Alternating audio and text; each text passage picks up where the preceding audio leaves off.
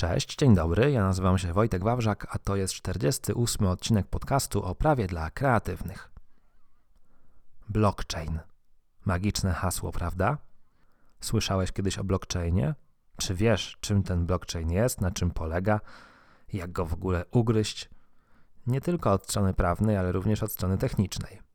Mam dla Ciebie dzisiaj wyjątkową rozmowę z Arkiem Szczudło, Sarkiem Szczudło, który jest specjalistą od prawnych kwestii blockchainu, który wielu podmiotom pomaga przy prawnym wdrożeniu blockchainu. No i nagrałem z Arkiem taką godzinną rozmowę, w której wypytuję go o to, czym ten blockchain jest, jak się go wykorzystuje, jakie korzyści można z niego czerpać, co trzeba zrobić pod kątem prawnym, no i jakie są również zagrożenia związane z tym blockchainem.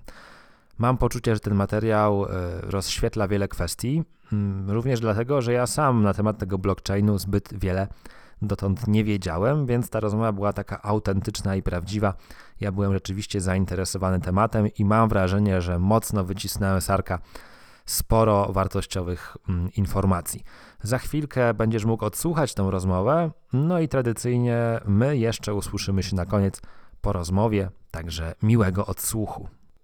Cześć Arku, fajnie, że wpadłeś do podcastu o prawie dla kreatywnych.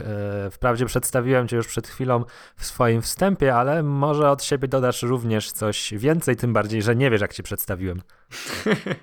No tak, dokładnie, nie wiem, nie wiem jak mnie przedstawiłeś, to jeszcze pewnie ustalimy. Natomiast tak, no nazywam się Arkadiusz Szczudło, e, jestem prawnikiem od głównie, może tak, przedstawiam się jako prawnik od mody, I bardzo często, jak rozmawiam z klientami, to mówię o sobie prawnik od mody. Natomiast ja w tej modzie zajmuję się właśnie nowymi technologiami, zajmuję się innymi blockchainem, zajmuję się gdzieś tam e-commerce'em.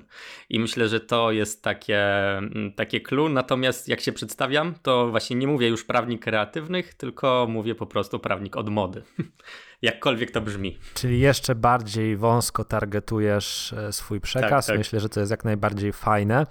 A dzisiaj mamy temat jeszcze bardziej stargetowany. Mm, będziemy mówić o blockchainie, czyli o czymś, mhm. co wielu osobom kojarzy się tak enigmatycznie, tajemniczo. Powiem szczerze, że mnie również, ja blockchainem nie zajmuję się w ogóle i nawet nie mam pojęcia, z czym to się je, więc chętnie również się dowiem. Mam nadzieję, że ten odcinek będzie także przyjaznymi wskazówkami dla naszych odbiorców, więc zaczniemy tak naprawdę mocno podstawowo, pewnie dla ciebie mhm. podstawowo, ale pewnie takie pytanie słyszysz często z ust osób, które początkują w tej tematyce, więc powiedz na Marku drogi, co to jest ten blockchain w ogóle i co tu trzeba wiedzieć o tym na początku? Właśnie zawsze kiedy dostaję takie pytanie, to jakby mam jedną definicję i to jest definicja, która myślę, że jest najprostsza w zrozumieniu, czym jest w ogóle ten blockchain, no bo okej, okay, można przyjąć, jeżeli słuchają nas tutaj jakieś zaawansowane osoby, że one wiedzą, że mamy technologię blockchain, mamy sieci blockchain, tak, mamy kryptowaluty, tokeny i 50 innych rzeczy. Natomiast e, właśnie dla początkujących można powiedzieć, że blockchain to jest po prostu taka księga, a jeżeli słuchają nas osoby związane z IT, no to będą rozumiały, że blockchain to jest taka baza danych. My po prostu na tym blockchainie możemy zapisać bardzo wiele rzeczy, tak? To można też przyrównać do takiego serwera, ale ja myślę, że to najłatwiej przyrównać właśnie do, do takiej książki, tak? Do takiego zeszytu, do którego my sobie zapisujemy pewnego rodzaju rzeczy. Tylko, że my z tego zeszytu jesteśmy w stanie powiedzmy wyrwać kartkę, tak? A z blockchaina my nie jesteśmy w stanie, no przynajmniej w teorii, wyrwać e, tej kartki, czyli wyrwać tych danych, które wrzucimy na ten blockchain. I ja myślę, że to jest taka naj, e, myślę, że najłatwiejsza definicja. Czyli po prostu baza danych, do której wpisujemy e, bardzo wiele rzeczy, które możemy wpis- do której możemy wpisać bardzo wiele rzeczy i z których my nie możemy, mówię tak jak przynajmniej w teorii, nie możemy usunąć tego wszystkiego. No dobra, a jak my wpisujemy te rzeczy do tej bazy, do tej kartki, do tego mhm. blockchainu? Jasne. Wpisać możemy na tak naprawdę kilka sposobów, ale taki najbardziej popularny i taki najbardziej medialny, nawet szczerze mówiąc, sposób to jest korzystanie z tak zwanych tokenów, czyli to są pewnego rodzaju kryptowaluty, jeżeli mówimy tutaj o jakichś takich naprawdę dużych uproszczeniach, czyli my wpisujemy sobie do takiej kryptowaluty slash tokenu de facto wpisujemy jakieś informacje i to może być e, przykładowo jakiś samowykonywalny program, tak? I wysyłamy go do tego blockchaina. I on w tym blockchainie po prostu sobie jest, sobie siedzi i jeżeli chcemy wywołać jakieś funkcje opisane w tym blockchainie, e, no to dosyłamy mu token po prostu z informacją przykładowo e, start. Tak? To tak e, w uproszczeniu, w uproszczeniu naprawdę. Trochę to brzmi jak jakiś taki język programowania tak naprawdę. Tak, tak, bo to jest, to korzysta tam z ogólnodostępnych języków oprogramowania, natomiast jeszcze może bardziej uproszczając, to po prostu e, wysyłamy za pomocą, to tak jakbyśmy wysyłali do kogoś maila, to po prostu korzystamy z oprogramowania, które jest przypisane do danego rodzaju jakby blockchaina, bo blockchainów mamy bardzo wiele, tak? Mamy blockchain Bitcoina, ten taki popularny najbardziej. Mamy blockchain Ethereum i mamy tak naprawdę 50 tysięcy innych blockchainów, które też mogą robić sobie prywatne firmy. Tak? To są na przykład blockchainy zamknięte. To banki korzystają z tego rodzaju rozwiązań, tak? czyli z rozwiązań zamkniętych, e, zamkniętych sieci, opartych właśnie o technologię blockchain. Natomiast, żeby wysłać coś, to po prostu korzystamy z zewnętrznego programowania typu Outlook i po prostu wysyłamy coś e, mailowo, tak? No to tutaj zamiast maila mamy po prostu ten token przykładowo. Czyli tak naprawdę ten pojęcie blockchain używane jest w kontekście, można powiedzieć, technologii, mm, mhm. a nie jako takiej jakiejś przestrzeni, serwera, chmury czy jakiegokolwiek innego narzędzia. To jest jakaś technologia służąca do przesyłu jakichś tam danych, tak? Dobrze rozumiem? Tak, to jest y, technologia do rejestrowania danych, tak, do y, zbierania danych. E, może w ten sposób bym powiedział, bo przesyłanie w jedną, w drugą stronę, to to jest y, jak gdyby fajna, fajna, fajna dodatkowa funkcjonalność, no nie? Natomiast głównie blockchain opiera się e, na tym, żeby rejestrować jakiegoś rodzaju dane, które my będziemy w ramach tego blockchaina przesyłać, albo będziemy do blockchaina przesyłać, tak? Albo będziemy z blockchaina wysyłać, bo na przykład jeżeli będziemy e, chcieli e, wymieniać kryptowalutę na złotówki polskie, no to de facto te informacje wyjdą poza blockchain już nawet, nie? Także to jest tak, tak blockchain to jest coś naprawdę szerokiego, Natomiast kryptowaluty, przesyłanie danych, e, jakieś, no nie wiem, tworzenie tych e, samowykonywalnego oprogramowania i tak dalej, to to są po prostu jedne z 50 funkcji, które występują w ramach e, tego blockchaina. Natomiast głównie może właśnie dla tego takiego no, uproszczenia to bym nazywał po prostu blockchainem taki rejestr. Czyli plik Excela, mówiąc wprost. Okej, okay, a gdzie ten rejestr sobie leży? On leży na jakimś serwerze jakiegoś dostawcy, czy to zależy od tego, mhm. jak my sobie coś skonfigurujemy po swojej stronie. To są jakieś gotowe rozwiązania, czy to wszystko trzeba ręcznie od początku tworzyć dla siebie, jeżeli ktoś chce korzystać z tej technologii? Jak to wygląda? Możemy podzielić taki blockchain na dwa rodzaje na pewno. To ze względu na otwartość tak, blockchaina. To jest Pierwszy rodzaj to jest właśnie ten blockchain otwarty, do którego de facto ma dostęp każdy i każdy może korzystać z rozwiązań, które da się wdrożyć na danym blockchainie.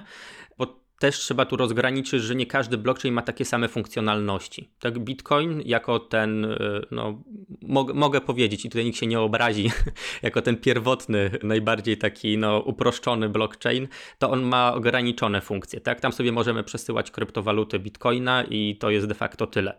Natomiast są takie blockchainy, w ramach których właśnie możemy wysyłać te tak zwane smart kontrakty, czyli umowy zawierać de facto e, za pomocą tego blockchaina. Tak? Natomiast mamy blockchain otwarty i mamy blockchain zamknięty. Tak? E, jeżeli mówimy o blockchainie otwartym, no to e, dane na tym blockchainie, które my umieszczamy, one będą znajdowały się na każdym komputerze, który przetwarza ten blockchain, czyli na koparkach najczęściej, tak mówiąc, e, mówiąc bardziej szczegółowo. Natomiast przy blockchainie zamkniętym, no to tutaj wszystko zależy tak naprawdę od administratora tego blockchaina, bo na blockchainie otwartym nie ma administratora, czyli nie ma tej instytucji nadzorczej, tak? Wszyscy użytkownicy są de facto instytucją nadzorczą. Natomiast na blockchainie zamkniętym, no zawsze jest ktoś, kto gdzieś to nadzoruje, no i de facto to nie różni się od y, standardowego serwera, można byłoby powiedzieć. Tak? Gdzie, gdzie jest jakiś administrator, są inni użytkownicy i tak dalej, i tak dalej, nie? To przy tych blockchainach otwartych, gdy jesteśmy, to rozumiem, mhm. że tak naprawdę tych blockchainów jest e, bardzo dużo i może być ich tak. wiele. Tak.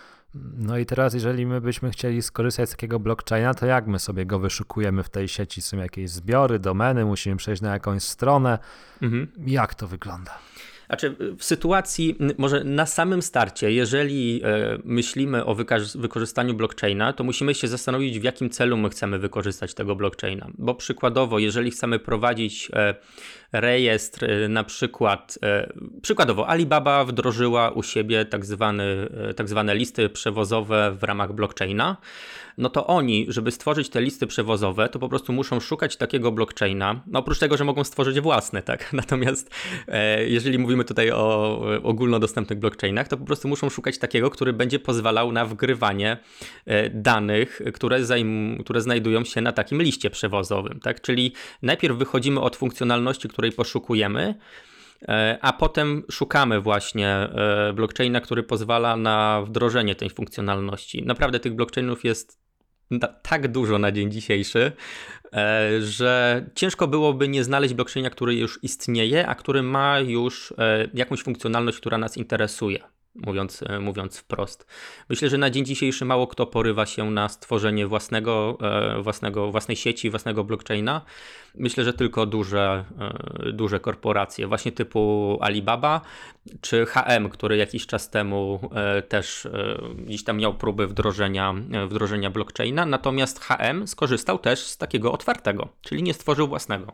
To też jest dosyć ciekawe. To kto dostarcza te otwarte dostępne dla wszystkich blockchainy to jest jakiś zespół ludzi, którzy nad tym pracują, to jest jakiś programista, czy to jest jakiś team? Tak, właśnie. Pier pierwotnie tak. E, to jest tak, że ktoś tworzy tego blockchaina, natomiast on w pewnym momencie wychodzi poza kontrolę tych e, danych twórców. Tak? On po prostu zaczyna być no, typowym otwartym blockchainem, gdzie tak naprawdę każdy ma do niego dostęp, każdy może wrzucić tam dane e, i to użytkownicy zaczy zaczynają de facto przejmować kontrolę nad tym, nad tym blockchainem. Tak? Bo przykładowo, jeżeli 51 osób, 51% osób, które są na blockchainie zagłosuje na tak, to znaczy, że będzie tak, a nie inaczej, no nie?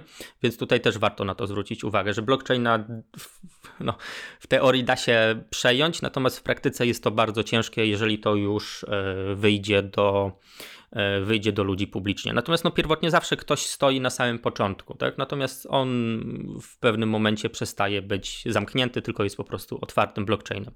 Dużo firm e, i tak właśnie, że tak powiem, rozmnożyła się ta ilość blockchainów, po prostu tworzyła te swoje, e, swoje własne sieci, swoje własne gdzieś tam zmiany czy, czy modyfikacje tej technologii.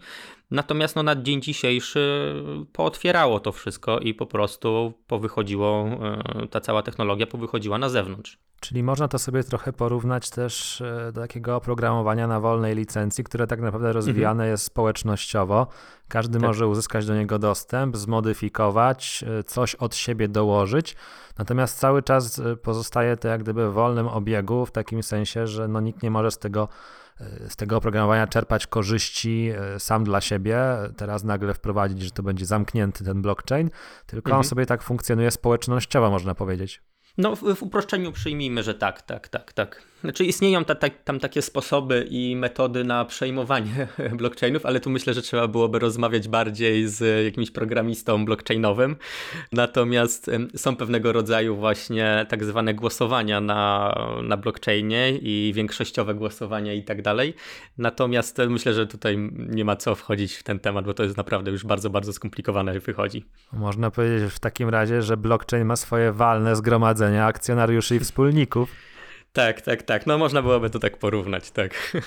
Wiesz co, jeszcze bym teraz ciebie zapytał, mhm. żeby sobie tak to zobrazować, może na jakimś konkretnym przykładzie. Zresztą mieliśmy już tego Alibabę, więc może ja już tylko Alibabę podrążył, bo tam wspomniałeś mhm. o wykorzystaniu blockchainu do tworzenia listów przewozowych, jak rozumiem, tak. w jakiś sposób elektronicznych i przesyłania tych informacji pomiędzy jakimiś podmiotami, które muszą mieć do nich dostęp, żeby rzeczywiście tak. zrealizować to zamówienie, jak rozumiem, tak? Tak, dokładnie, dokładnie. I u Alibaby działa to w ten sposób, że to jest po prostu rejestr.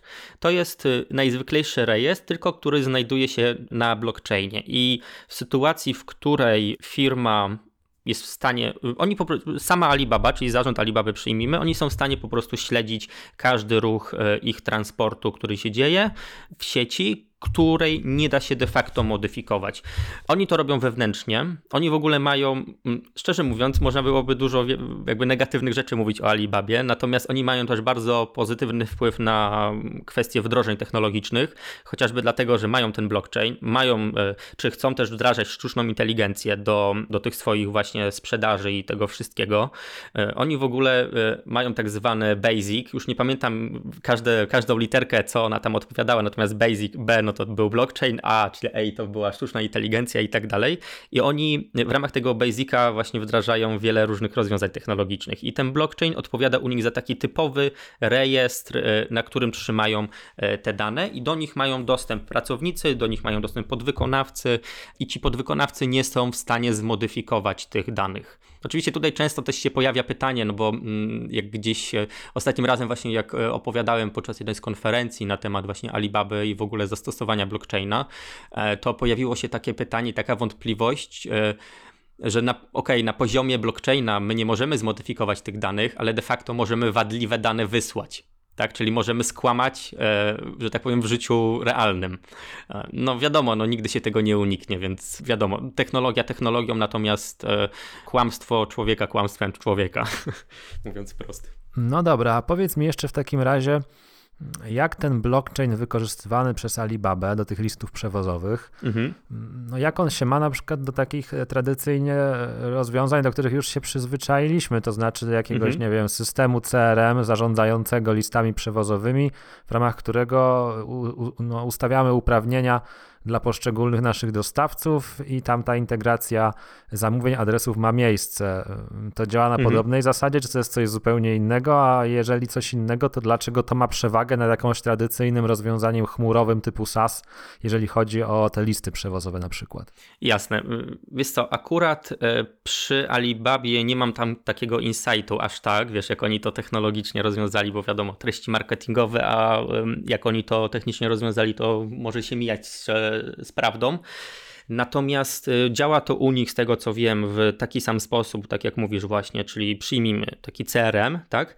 Natomiast y, jeżeli byłoby to siecią otwartą, to tutaj jest y, bardzo duża mm, taki, taki, taki social proof społeczny z tego względu, że nie dałoby się wtedy zmienić tych danych tak, które tam się znajdują.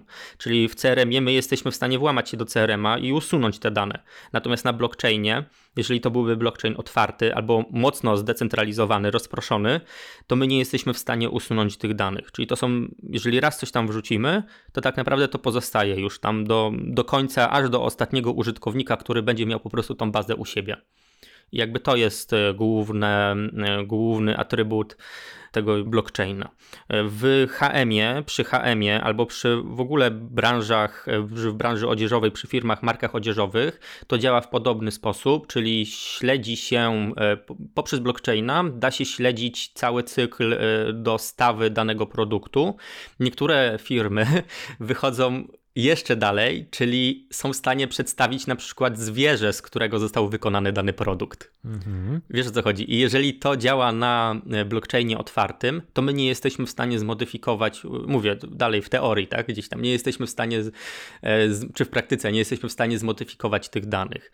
Natomiast jeżeli byłby to blockchain zamknięty, to w takiej sytuacji, jeżeli byłby źle zarządzany, czyli to nie byłby blockchain rozproszony de facto, tylko po prostu na jednym komputerze, tak, ktoś sobie postawił w domu, no to wiesz, można się włamać na niego, tak, i go usunąć na przykład, albo coś innego jeszcze porobić, e, bo jest się e, de facto jedynym zarządzającym tym blockchainem, więc e, i to też często pojawiające się pytanie jest, z racji tego, że to jest taka no, dosyć medialna technologia jednak, bardzo nowoczesna i bardzo medialna, bardzo marketingowa technologia, to bardzo dużo osób właśnie się zgłasza z różnymi pomysłami na wdrożenie blockchaina, które równie dobrze można byłoby wdrożyć na najzwyklejszej technologii, a chcą wdrożyć na blockchainie tylko dlatego, że marketing takiej firmy wtedy no, byłby znacznie lepszy. Nieraz y, firma po wdrożeniu, na, po wdrożeniu blockchaina po prostu jej notowania na giełdzie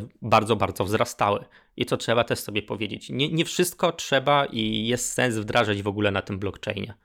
Także tutaj nie jestem takim, wiesz, wysłannikiem, który mówi, że po prostu wszystko super, jak jest na blockchainie. Tu zdecydowanie nie. Tu trzeba po prostu. Ja do tego bardziej podchodzę biznesowo, marketingowo, e, pod takim kątem, czy jest sens wdrażania tego, czy to nam przysporzy po prostu naprawdę takich pozytywnych rozwiązań, tak już abstrahując od tego marketingu, ale nawet, nawet biznesowo, czy to nam nie zrobi dodatkowych problemów, no bo pamiętajmy, że wdrożenie technologii blockchain nie jest najtańsze, deweloperzy blockchaina są często kilkukrotnie drożsi od takich zwykłych deweloperów, e, no nie wiem, od MySQL-a, tak, od baz danych. No właśnie ten wątek chciałem też poruszyć. Mam wrażenie, że ten blockchain to jest teraz takie hasło, e, klucz, które jak chcemy być fancy, to mówimy, że blockchain i wykorzystujemy go w swojej działalności.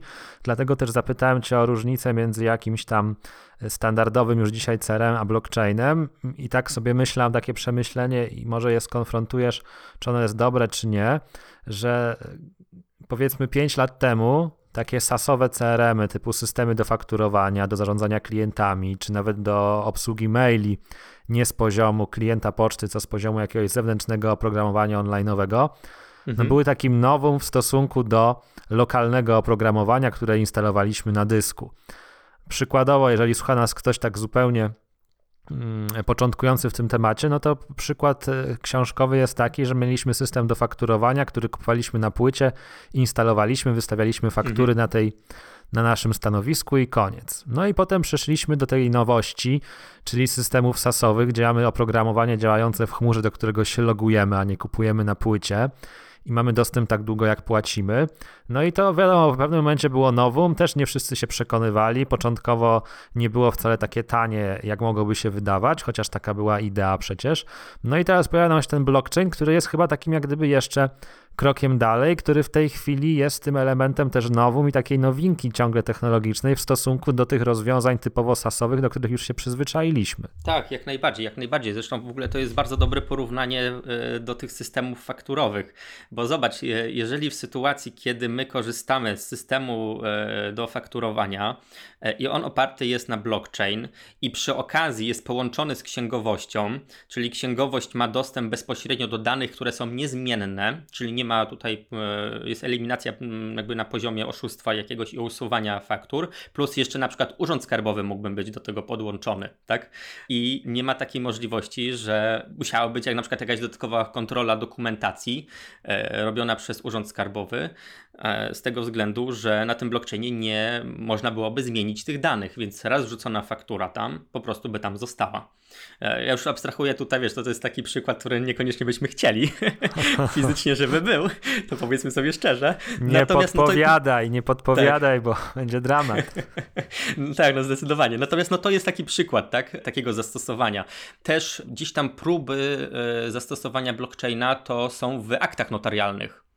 Też gdzieś tam y, ludzie próbują, czy programiści, różnego rodzaju firmy próbują zastępować e, pewnego rodzaju akty notarialne właśnie, na, czy wgrywać je na blockchain, mówiąc wprost. Weksle wgrywać na, y, na blockchain, tak? To są takie rzeczy, które de facto są, no, czy powinny być niezmienne, tak? Czyli powinny można być... powiedzieć, że tam, gdzie szukamy pewności obrotu, mhm. Mm, możemy sięgnąć po blockchain. Co więcej, od razu jako osoby, która zajmuje się RODO, zresztą ty też, uruchamia się mhm. też taka myśl w głowie, że przecież coraz częściej walczymy o tą rozliczalność, pewność tego, że chociażby zgoda marketingowa wyrażona przez kogoś nie była potem sobie przeklikana przez administratora e, w bazie danych, żeby sobie zmienić, że jednak wyraził. Rozumiem, że blockchain jak gdyby odpowiada na te problemy w taki sposób, tak. że to coś, co raz tam trafi, absolutnie hmm. nikt, oczywiście za wyjątkiem tych zastrzeżeń, o których wspominałeś, nie jest w stanie zmienić. Czyli to nie jest tak, że mamy administratora, który zaloguje się do swojego systemu do fakturowania i tam sobie zmieni dane kontrahenta. Jeżeli one już tam trafią, to one tam będą no, niezmienne. No tak, dokładnie tak, dokładnie tak. I to jest, i to myślę, że jest klucz takiego właśnie e, jakby korzystania z tego blockchaina. Natomiast tutaj pojawia się właśnie problem tego, tych zamkniętych blockchainów, które nie są rozproszone.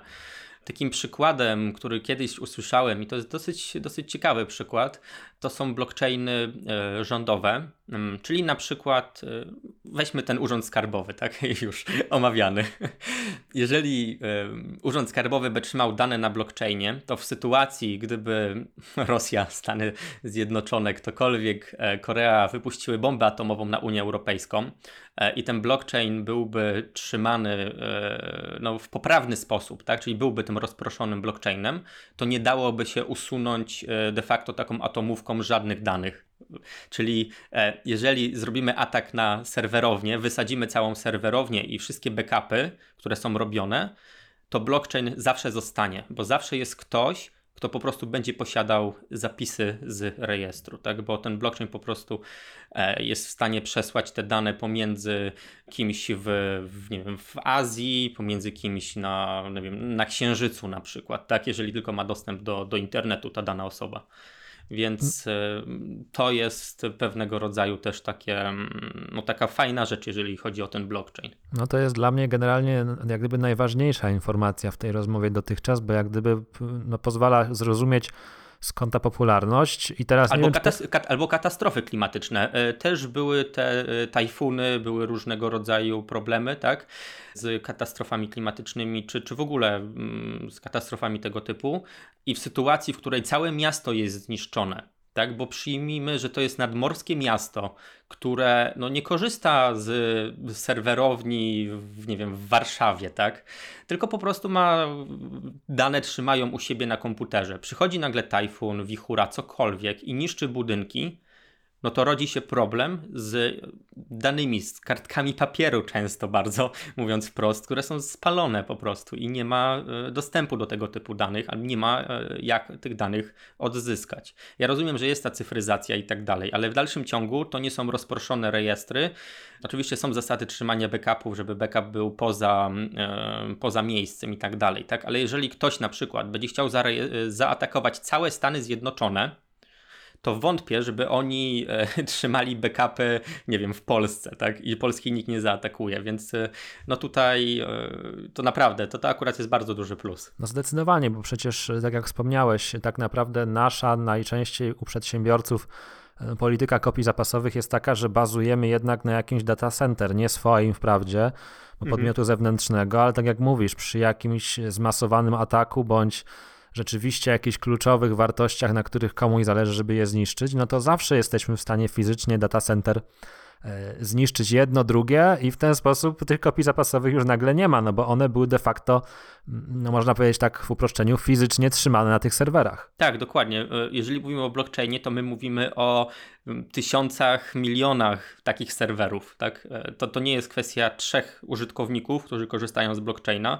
takiego otwartego, tylko mówimy o naprawdę dużej ilości osób korzystających z tego w taki sposób, że przechowują te, te dane. Tak? Gdzie oni przechowują te dane? Znaczy to są, to są najczęściej, to są najczęściej e, tak zwane kopalnie po prostu, tak, które kopią tego, mm, tego, nie wiem, bitcoina, tak, czy tam Ether kopią na, na blockchainie Ethereum, po prostu kopią te kryptowaluty i oni w ramach mm, jakby tej sieci oni korzystają, e, oni mm, jakby przechowują te rejestry, tak, w, no w uproszczeniu, nie, jakby ponownie.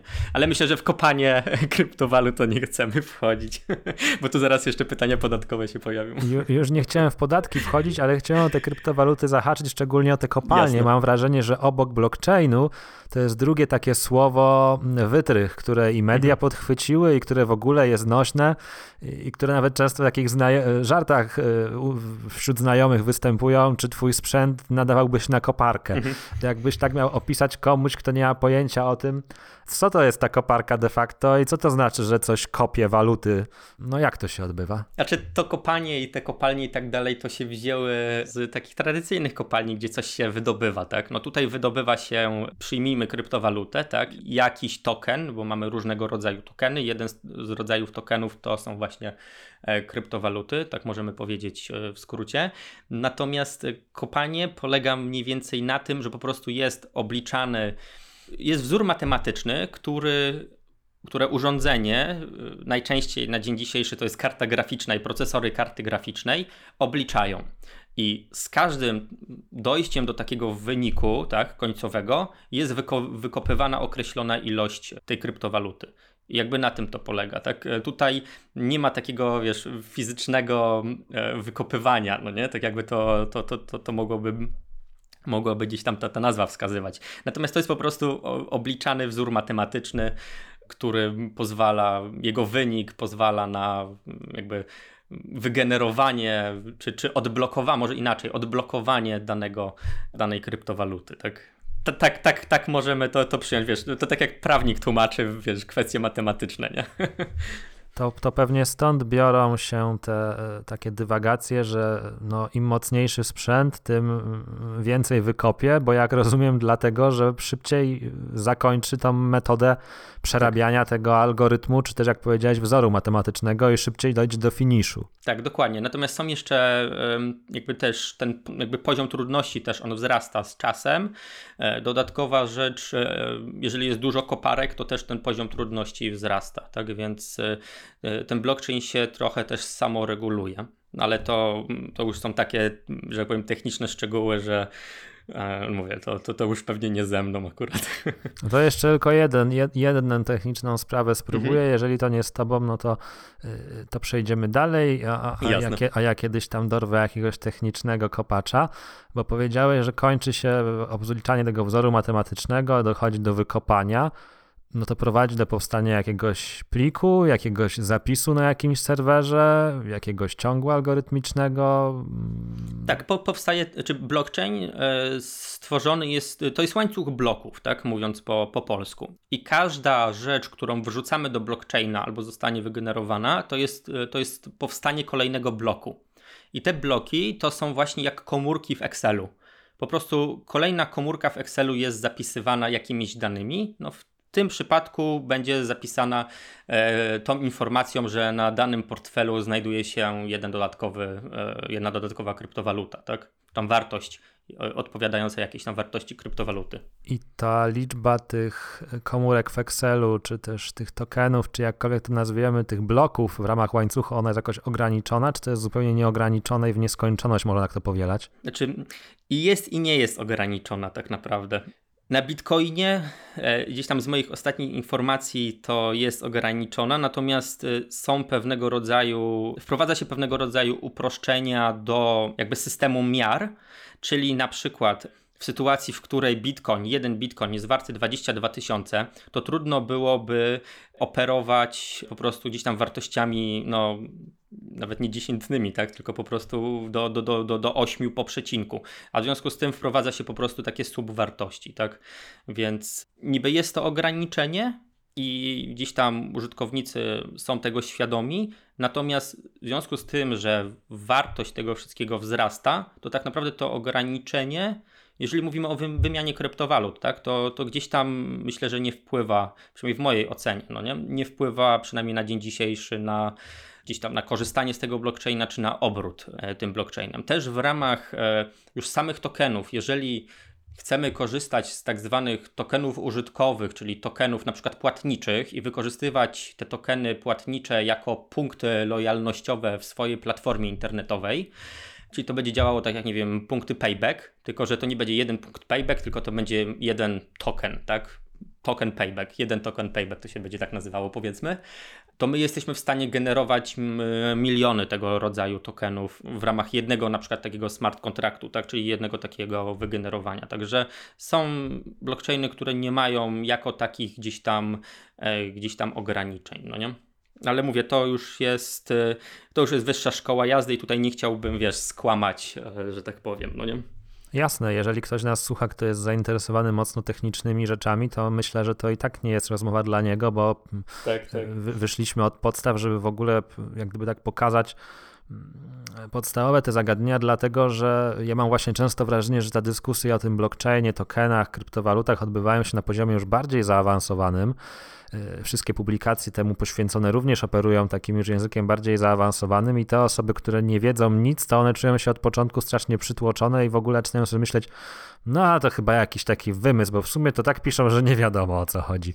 Tak, no wiesz co, ja zawsze bazuję, jak rozmawiam dziś z klientami, którzy nie wiedzą czego chcą, e, a 90% e, osób, które się zgłaszają, to są właśnie osoby, które nie wiedzą dokładnie jak chcą wykorzystać blockchain, to po prostu bazuję na przykładach. Czyli jeżeli na przykład zgłasza się do mnie marka odzieżowa, to mówię, że są takie i takie rozwiązania. Na przykład kwestie tych listów przewozowych, kwestie otwartości całej produkcji, kwestie tego skąd są dystrybuowane, czy są, gdzie są produkowane półprodukty, tak? I to wszystko, te, te wszystkie informacje, całą tą ścieżkę na przykład można dać na blockchainie.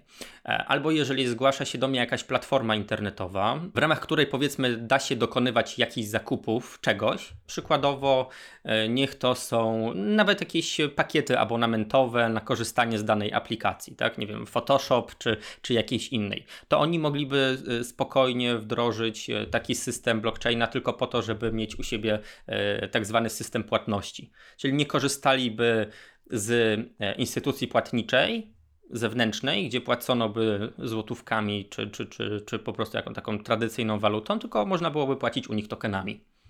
Inny taki przykład to jest właśnie ten payback, czy to są w ogóle punkty lojalnościowe. To też jest bardzo popularne, e, z tego względu, że to jest bardzo proste do wdrożenia pod kątem prawnym też. E, I to jest w Polsce, e, no, w tej takiej tradycyjnej formie, to to jest w Polsce legalne, więc też nie trzeba uciekać za granicę. To też warto o tym powiedzieć, że większość kwestii blockchainowych trzeba robić za granicą, jakby poza Polską, natomiast da się część rzeczy zrobić w Polsce.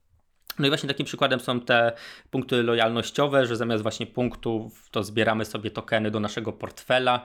Firma która generuje te tokeny, no to oczywiście z zasady ona nie będzie mogła e, nam wiem, zmniejszyć tych punktów, tak? Nie stracimy informacji o tych punktach w sytuacji, w której na przykład zgubimy kartę i tak dalej, i tak dalej, nie? Także tutaj e, jakby zawsze bazuję na tych, na tych przykładach, bo to jest naj, najprościej jest wytłumaczyć, do czego wtedy można wykorzystać, e, wykorzystać taki blockchain, bo możemy sobie mówić właśnie, że to są jakieś rejestry i tak dalej, no ale, no dobra, no ale właśnie, po co mi ten rejestr, tak? No właśnie, w tych przykładach, o których mówisz, pojawiają się nam tokeny, pojawiają nam się wzmianki o punktach lojalnościowych, pojawiają nam się no, bitcoiny, czy też jakieś innego rodzaju waluty wirtualne. U Alibaby pojawiają się listy przewozowe, natomiast ja rozumiem, poprawisz mnie, jeżeli się mylę, że tak naprawdę w ramach tego jednego bloku, w ramach tego łańcucha blockchainowego, mhm. no to właśnie może być albo jakaś waluta, albo jakiś token, albo jakiś punkt lojalnościowy, albo jakiś list przewozowy, albo cokolwiek innego, co my uznamy, że przy tej technologii, no tej blokowej będzie możliwe do przetransferowania w tym skutecznie dla nas, tak? Tak, to jest y, i tu nawet wchodząc już w kwestie prawne, token bardzo często to jest to, co my, to na co my się umówimy. Tak? Token może reprezentować punkt, e, token może reprezentować e, akcję w spółce. Tak? Już abstrahuję od tego, że w Polsce się nie da tego zrobić, ale w niektórych krajach się da. Token może reprezentować e, właśnie jakąś wartość pieniężną. Token może mm, reprezentować sobą ten samowykonywalny program, czyli ten smart contract tak zwany. Natomiast ta nazwa jest myląca, bo to, to nie jest, e, to, to nie, nie da się tam każdej umowy wrzucić. Natomiast on może być umową, tak? taki token, bo on w sobie będzie zawierał gdzieś tam smart contract, który my wyślemy na blockchain. Więc e, ten token, czy ta kryptowaluta, ona może być też środkiem transportu de facto. I co i jak my sobie, środkiem transportu pomiędzy tą siecią realną a, a blockchainem, to mam na myśli, nie, nie że samochodem. Mhm. Więc e, to, na co my się umówimy, to tym to będzie tak naprawdę. I to na co zgodzą się użytkownicy inni, tak? No bo my możemy na przykład między sobą się umówić, no ale ktoś inny powie coś innego, tak? Więc e, to też jest jakby ta kwestia. Dlatego często, mm, jeżeli generuje się tego typu tokeny, to po prostu ustanawia się e, regulamin świadczenia usług, tak? I tak dalej, i tak dalej. To, co znamy w, w e-commerce czy w IT ogólnie. E, I użytkownicy, którzy korzystają w ramach platformy z tych tokenów, to po prostu akceptują ten regulamin, tak? Natomiast w sytuacji, gdy token ląduje na giełdzie, jakiejś, tak, kryptowalut, no to y, wiadomo, ten, kto kupuje ten token na giełdzie, no to on nie akceptuje już tego regulaminu, więc on sobie, że tak powiem, może wykorzystać ten token już w innych celach. Natomiast w sytuacji, gdy będzie chciał wykorzystać ten token w tym pierwotnym celu, czyli wykorzystać go na platformie, czyli po to, po co ten token de facto został wygenerowany, no to wtedy już będzie akceptował nam ten regulamin, tak? Więc już wejdzie w, tą, w ten tryb zobowiązaniowy, że tak powiem. Czyli można powiedzieć, że ten token to jest takie pojęcie, które tak naprawdę jest no, jakimś takim źródłem jakiejś tam informacji, ale co będzie tym tokenem i co będzie się za nim kryło, tak naprawdę zależy od nas. Tak, tak, de facto tak, tak. Dokładnie. I tutaj też, y, no, tak jak powiedziałem wcześniej, czyli te ograniczenia ewentualne samego blockchaina, tak? bo na Ethereum da się smart contract na przykład wgrać, natomiast na y, Bitcoinie już, y, już nie. Więc to też zależy od samych funkcjonalności danego, danego blockchaina, ale tak. No to jak mamy pojęcie token, to na pewno odruchowo nam się pojawi pojęcie tokenizacja i już widzę tego klienta, który przychodzi do ciebie i mówi, że on by chciał stokenizować swój biznes. Mhm. Co to znaczy stokenizować coś? wykorzystać te tokeny w swojej pracy, w swojej działalności. No właśnie i tu rodzi się problem, bo w sytuacji, w której klient przychodzi i mówi, że chce stokenizować swój biznes, to to jest najczęściej osoba, która nie wie, co chce zrobić z tym blockchainem, ale po prostu chce marketingowo zrobić ten blockchain. I to powiem szczerze, to są najczęstsze przypadki. I w takiej sytuacji zawsze tłumaczę e, takiemu klientowi, abstrahując od tego, że jestem prawnikiem, to ja tłumaczę kwestie, które no, jakby nie podlegają, że tak powiem, e, zagadnieniom prawnym, e, czyli właśnie czym może być ten token, tak? E, tłumaczę, że są różnego rodzaju tokeny, opowiadam w sytuacji takiej, że jest na przykład token, jest, nie wiem, payment token, tak? Są właśnie te tokeny do rejestru, są te tokeny do smart kontraktów i tak dalej. I właśnie tłumaczę na tych przykładach, e, czym jest ten token i w sytuacji, w której będzie chciał wdrożyć ten token w swojej działalności, to wtedy możemy mówić o tej tokenizacji. Czyli, że on jakąś część swojej działalności stokenizował, czyli zastąpił tradycyjną, tradycyjne rozwiązanie, zastąpił tym tokenem, mówiąc czyli, wprost. Czyli przykładowo sklep internetowy, który ma program lojalnościowy, Taki mhm. typowy, zrobisz u nas zakupy za 100 zł, to tak. dostaniesz tak. 10 punktów twojej skarbonki. E, z punktu widzenia technicznego, takiego standardowego, tradycyjnego, dzisiaj utrwalonego, to najpewniej jest po prostu robiony zapis do bazy My, MySQL e, tak. z informacją, że do tego konta jest przypisane tyle i tyle punktów, ale tak jak rozmawialiśmy, każdy, kto się włamie o tego systemu, albo nawet się nie włamie, tylko będzie to administrator, może sobie kliknąć i w tej bazie zmienić tak. ilość tych punktów w skarbonce.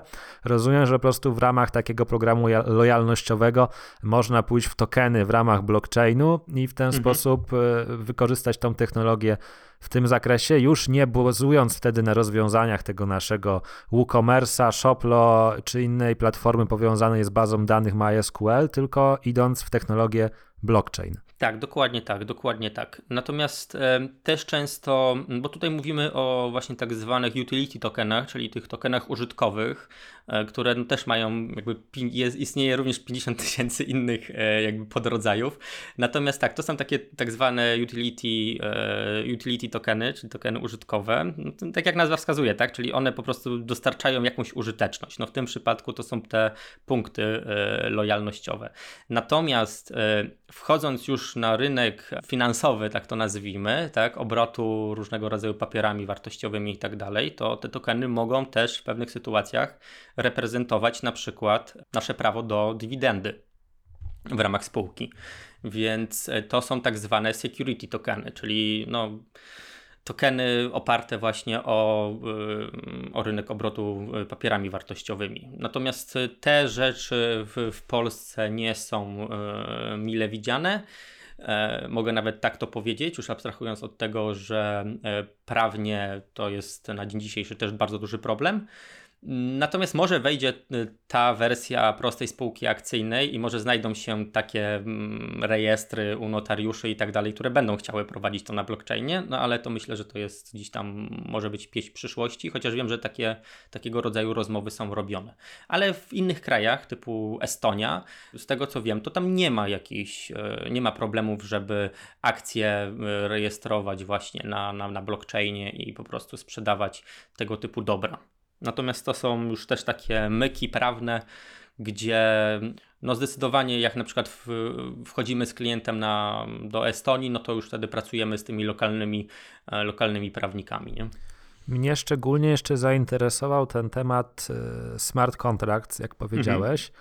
Mhm. Tak, żeby też sobie to zwizualizować, czy mógł, można, mógłby sobie klient na przykład przyjść do ciebie i stwierdzić, no, że on by chciał w tej chwili odformalizować proces zawierania umów ze swoimi klientami, bo to mu schodzi strasznie dużo czasu, mhm. trzeba jakieś podpisy składać, wymieniać jakieś dokumenty, przesyłać pocztą.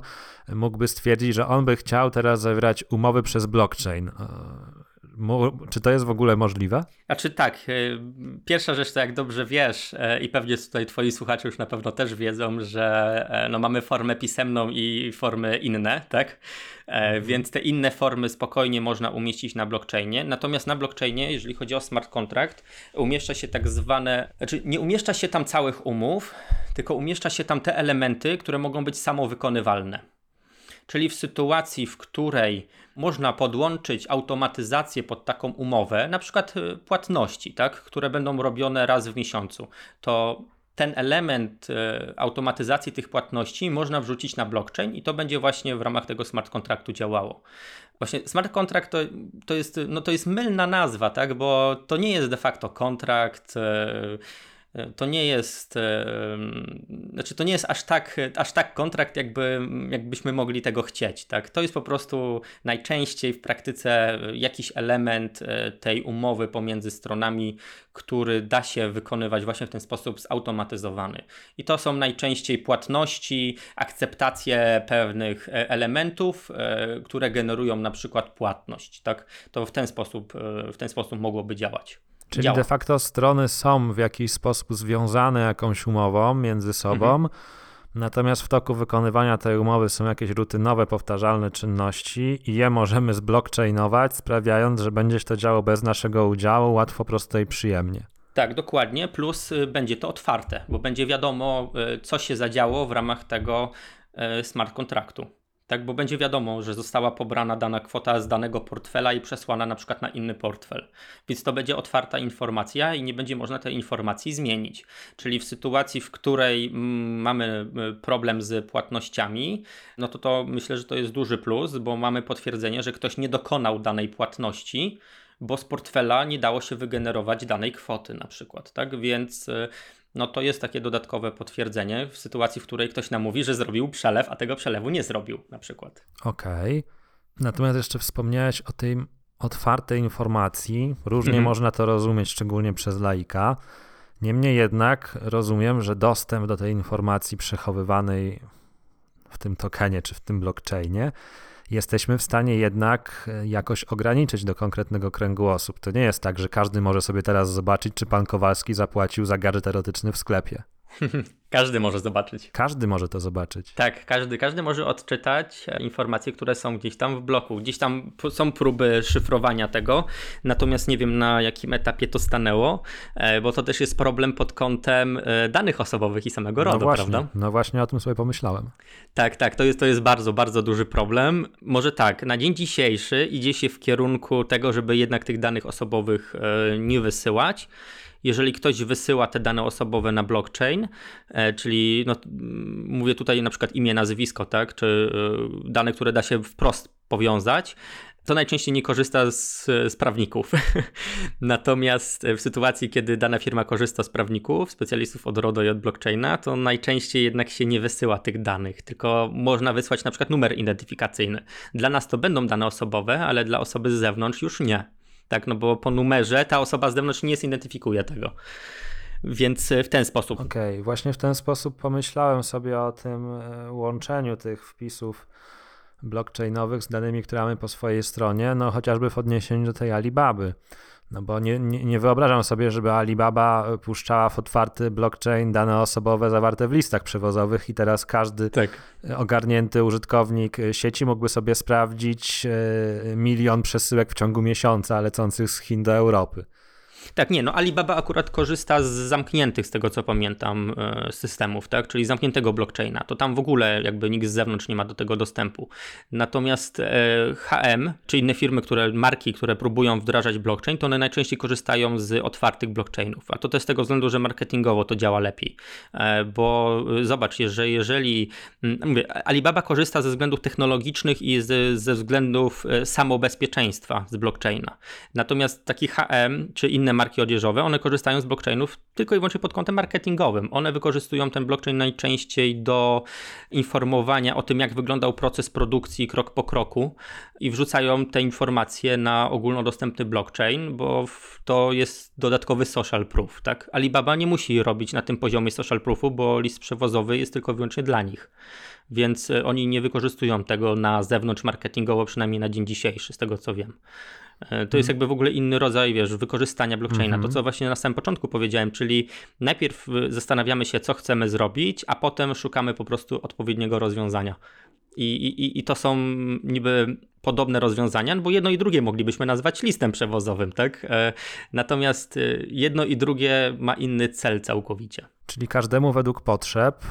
Natomiast jeżeli jesteśmy przy tym RODO, to mi się od razu jeszcze jedno zagrożenie uruchomiło mhm. w głowie, związane z tym, że wspomniałeś, że z tego blockchainu tych danych nigdy nie nie, tak. nie usuniemy, więc jeżeli my wykorzystamy. Wiem, w kierunku idziesz. Jeżeli my to wykorzystamy do przetwarzania danych osobowych, to tak naprawdę z góry samo donosimy na siebie, że no nie mamy jakiejkolwiek polityki retencji, bo nie da się już tych informacji stamtąd usunąć, jak rozumiem. Tak, dokładnie, dokładnie tak to wygląda. No niestety, tak, tak, tak. Dlatego wiesz, są próby szyfrowania, są próby anonimizacji i tego typu, żeby to E, żeby to po prostu obejść. Pamiętajmy, że mm, blockchain powstał zanim powstało RODO, e, więc e, no nie brano pod uwagę tego typu rozwiązań.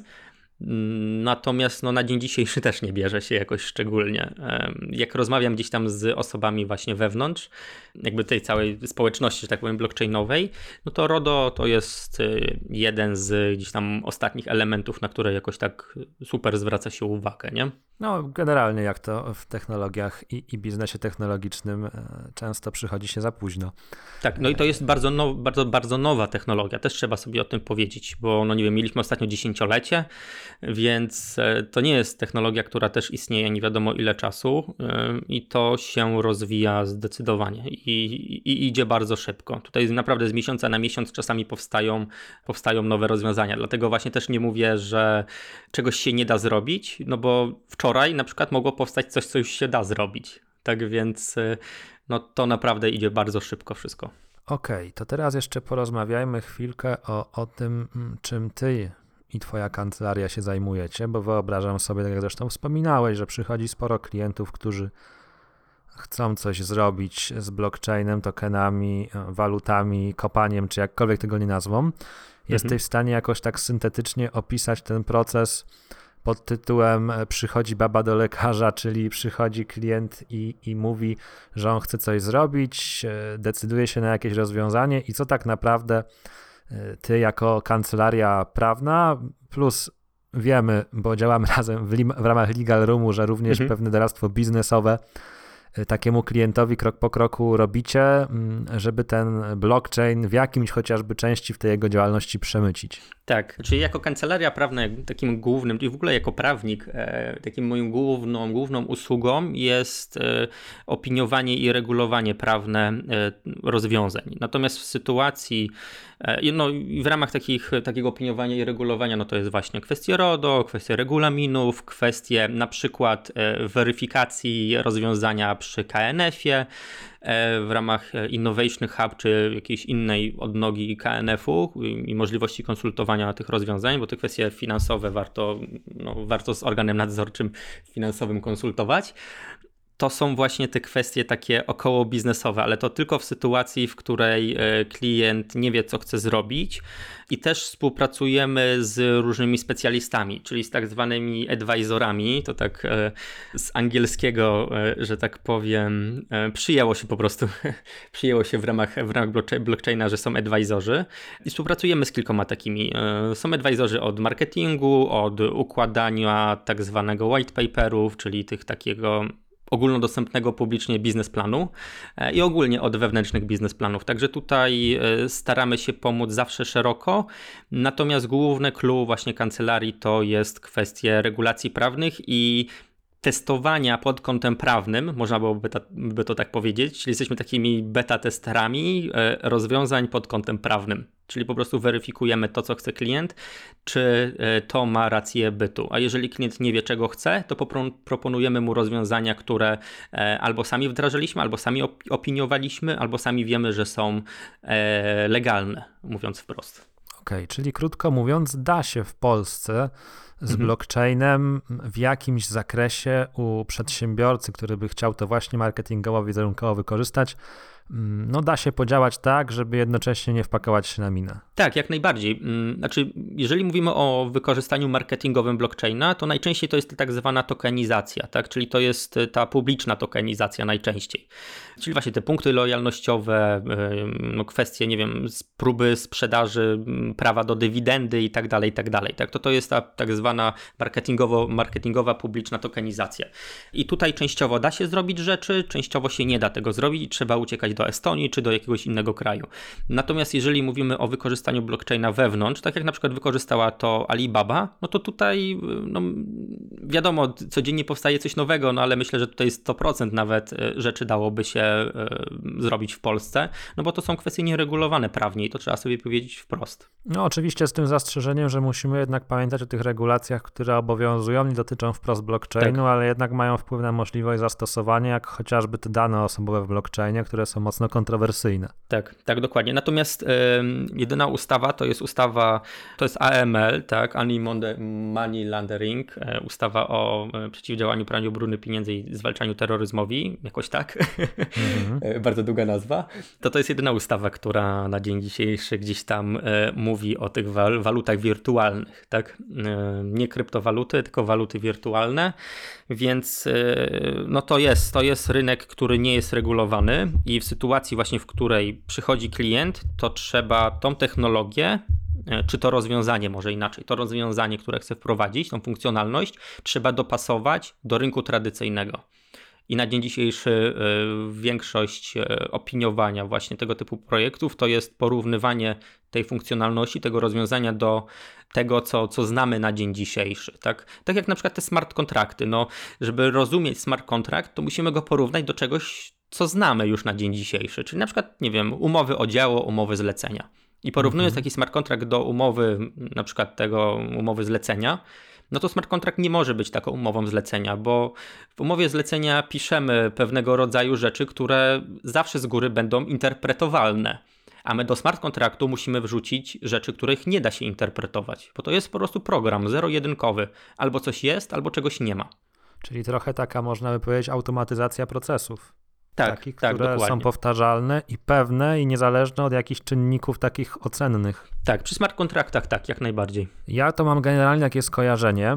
Kojarzy mi się ten blockchain z, z czymś, co w naszym dzieciństwie w Polsce się rozwijało, czyli sieciami P2P, peer-to-peer, e, bo tam e, też mhm. było trochę tak, tak, że te pliki, które sobie ludzie pobierali, to one były na nieskończonej ilości urządzeń, osób podłączonych do danej sieci i każda z tych osób tego pliku mogła uzyskać dostęp pobierając go. Mm, czy to jest słuszne takie skojarzenie, takie laickie? Tak, tak, tak, jak najbardziej, jak najbardziej. No właśnie peer-to-peer, jak, jak najbardziej to można byłoby, jeżeli chcemy sobie zwizualizować taki blog, to jak najbardziej, znaczy taki blockchain, to jak najbardziej, jak najbardziej coś takiego. Tutaj po prostu są te dane też trzymane na, e, u wielu użytkowników, tylko że w sytuacji, e, w której przy peer-to-peer, jak pamiętam, tam był Direct Connect i tak dalej, były różnego rodzaju takie aplikacje, to tam dało się z góry, że tak powiem, e, wyśledzić dany, mhm. jakby przekaz danego pliku, tak?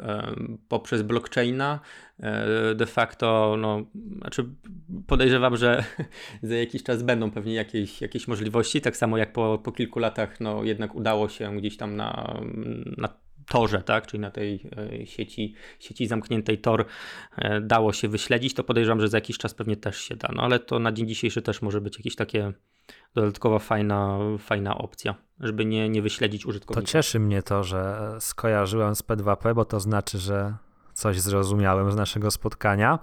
Yy, za nami godzina rozmowy i mam nadzieję, że ci, którzy odsłuchali ją w całości bądź częściowo, to również coś na temat blockchainu liznęli. Powiedz mi jeszcze, Arku, ty masz już sporą wiedzę w tym zakresie. Jeżeli ktoś by chciał w Polsce rozwijać się w tym zakresie, to jak to zrobić? Są jakieś kursy dla blockchainowców, na przykład słucha nas ktoś, kto sobie pomyślał, wow, ale fajne, w ogóle będzie się rozwijać, na pewno będą w tym pieniądze, chce zostać specjalistą. Da się w Polsce zostać specjalistą od blockchainu, a jeżeli tak, to w jaki sposób? Mm, jak najbardziej, jak najbardziej da się, natomiast tutaj trzeba brać pod uwagę to, że e, wszystko się dzieje w języku angielskim, tak, cała komunikacja i tak dalej, więc to jest jakby podstawa bo większość klientów jednak jest zagranicznych, więc e, jeżeli na przykład mówimy o programiście, e, który, nie wiem, no, tworzy strony internetowe, czy tam programuje coś innego, to jak najbardziej on może się przestawić na blockchaina. E, polecam kontakt bezpośrednio do innych programistów, którzy są bardzo, bardzo otwarci. Czyli nie znam, znam wielu programistów polskich, i nie spotkałem się z programistą, który nie byłby po prostu otwarty na jakąś tam współpracę z innym programistą, żeby go coś tam podszkolić i tak dalej. Tak tutaj e, jest naprawdę ta otwartość. Natomiast no, są kursy zagraniczne. Tutaj konkretnego jakiegoś nie, nie polecę, natomiast są też na ogólnodostępnych platformach e, typu, wiem, typu Linda, teraz to jest chyba LinkedIn Learning, Udemy i, i tak dalej. Są różnego rodzaju e, kursy związane z blockchainem. To na pewno można, można tam zerknąć.